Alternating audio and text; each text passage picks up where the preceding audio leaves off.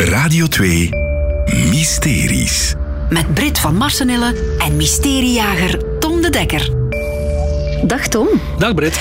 Jij hebt een mysterie opgelost in verband met planten. Klopt. Ik ben uh, uh, op zoek gegaan naar het verhaal van de Bocarnea recurvata. Dat is de Bocarnea recurvata.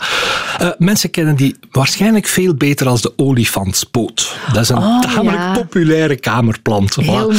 Ehm, maar ja, een collega van mij had die gekocht, zo'n olifantspoot, en die zag die wetenschappelijke naam, Bocarnea recurvata, en dat deed haar denken aan een familie uit Oudenaarde, Bocarne, die nog altijd een huis Bocarne hebben dat te bezichtigen is.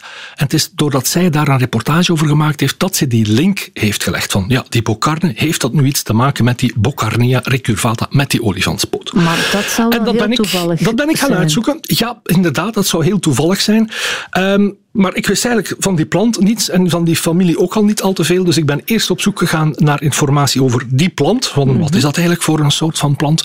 Ben ik naar een tuincentrum getrokken en dat blijkt een populaire kamerplant te zijn die ja, een beetje op een kleine palm lijkt. Zo een bolvormig onderaan de stam. Dan wordt dat een smal stammetje en daar komen dan allerlei sprittels uit, groene sprittels. Uh, heel makkelijk in onderhoud. Je mag ze zelfs niet te veel water geven. Eens om de twee weken in de zomer en in de winter mag je het zelf een paar maanden vergeten. Het enige dat dat plantje nodig heeft is veel licht. Ah, dus ja, vandaar dus dat eigenlijk het de ideale plant voor de niet zo Juist. groene vingers Juist. onder ons. Klopt. Maar hoe komt die plant dan uiteindelijk aan zijn naam? Aan zijn wetenschappelijke naam, ja. Ja. Bocarnia recurvata. Wel, ik ben naar een prof plantkunde gegaan hier aan de Universiteit in Gent.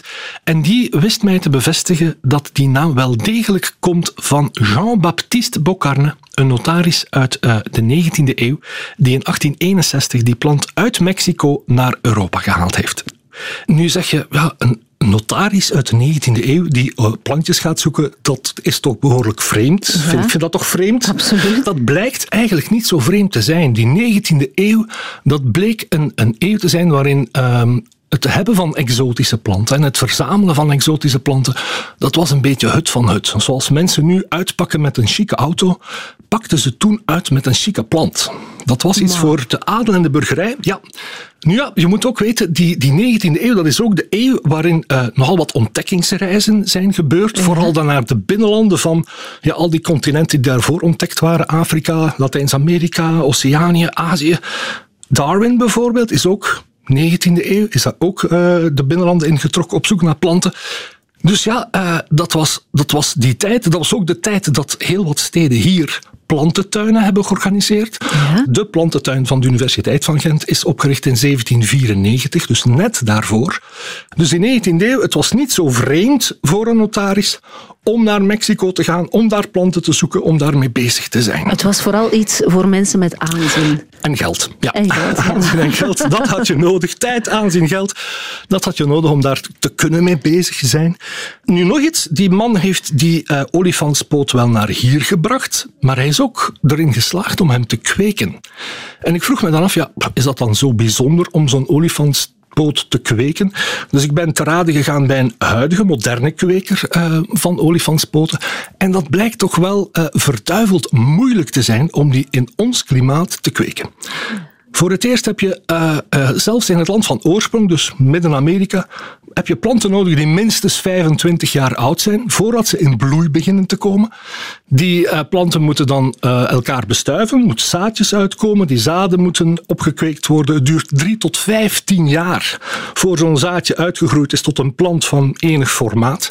En dat is dan in het klimaat ginder, met voldoende licht, voldoende warmte. Maar dan ben je bijna een halve eeuw verder. Absoluut. En dus onze Jean-Baptiste Bocarne is erin geslaagd om zo'n uh, olifantspoot hier bij ons, dankzij serres die in zijn tuin stonden, uh, toch te laten overwinteren. Want zo'n plant kan niet tegen de vorst en in bloei te krijgen. Mm-hmm. Er is een gravure uit die tijd waarin de, de plant met zo'n uh, in bloei getekend staat naar een plant die een Bocarne in zijn serres had. Mm-hmm. Dus hij is er wel degelijk in geslaagd om die, die hier te kweken, wat echt een heksentour is geweest. Ja, maar maar die notaris met aanzien, wiens naam ik alweer vergeten ben. Bocarne, Jean-Baptiste Bocarne. Die dacht, oh, ik ga die uh, olifantspoor ga ik dan ook maar gewoon mijn naam geven. Nee, uh, hij heeft die naar hier gebracht en het is eigenlijk een, een Franse botanicus die hem wetenschappelijk beschreven heeft. Ja. Maar omdat die Bocarne hem naar hier gebracht heeft en er ook in geslaagd is om hem te kweken, heeft die botanicus wel de naam van die plant genoemd naar zijn ontdekker of naar de, de man die hem naar hier gebracht heeft, naar die Jean-Baptiste Bocarne. Ongelooflijk eigenlijk dat een Mexicaanse plant eigenlijk een Vlaamse naam heeft. Een Vlaamse naam heeft gekregen, ja. En die Bocarne was echt wel een figuur hoor, want eigenlijk was hij vooral geïnteresseerd in orchideeën en op het einde van zijn leven had hij uh, 745 verschillende soorten planten, voornamelijk orchideeën, en van elke plant zo 10 à 200 exemplaren. Die had dus een enorme collectie. En bij zijn dood in 1888 zaten ze daar dus met die collectie, wisten ze niet goed wat ze daar moesten mee doen. Dus een jaar later hebben ze een veiling georganiseerd. En daar was zoveel interesse van binnen- en buitenland dat ze extra treinen hebben moeten inleggen van Brussel naar Oudenaarde om al die mensen hier te krijgen. Ja. Ongelooflijk. Zo beroemd was die man in zijn tijd. Ja, dat is echt straf wat hij gedaan heeft. Bij deze is het mysterie opgelost? Ja, het mysterie is opgelost. En als je nu nog naar het huis van Bocarne gaat, want dat bestaat nog altijd, dat is sinds 2018 ook open voor het publiek, ja? dan kan je die tuin daar gaan bezoeken. Dan kan je nog altijd een van die serres, de druivenserren, uh, waar hij waarschijnlijk die, die grote uh, Bocarnes heeft uh, in ondergebracht, want dat waren uiteindelijk bomen van drie, vier meter die hij hier heeft opgekweekt. Die kon hij daarin onderbrengen. En dat is de oudste druivenserre van België en waarschijnlijk een van de oudste druivenserres van Europa. En in die tuin staan echt nog, nog verschillende echt parels. Daar staat een moerascypres. Dat is een boom die eigenlijk in de moerassen in Louisiana uh, thuis hoort. Die uh, staat daar 35 meter hoog. Schitterend. Een catalpa, dat is een, een, een, een boom die uh, normaal gezien bij ons ja, 100 jaar wordt.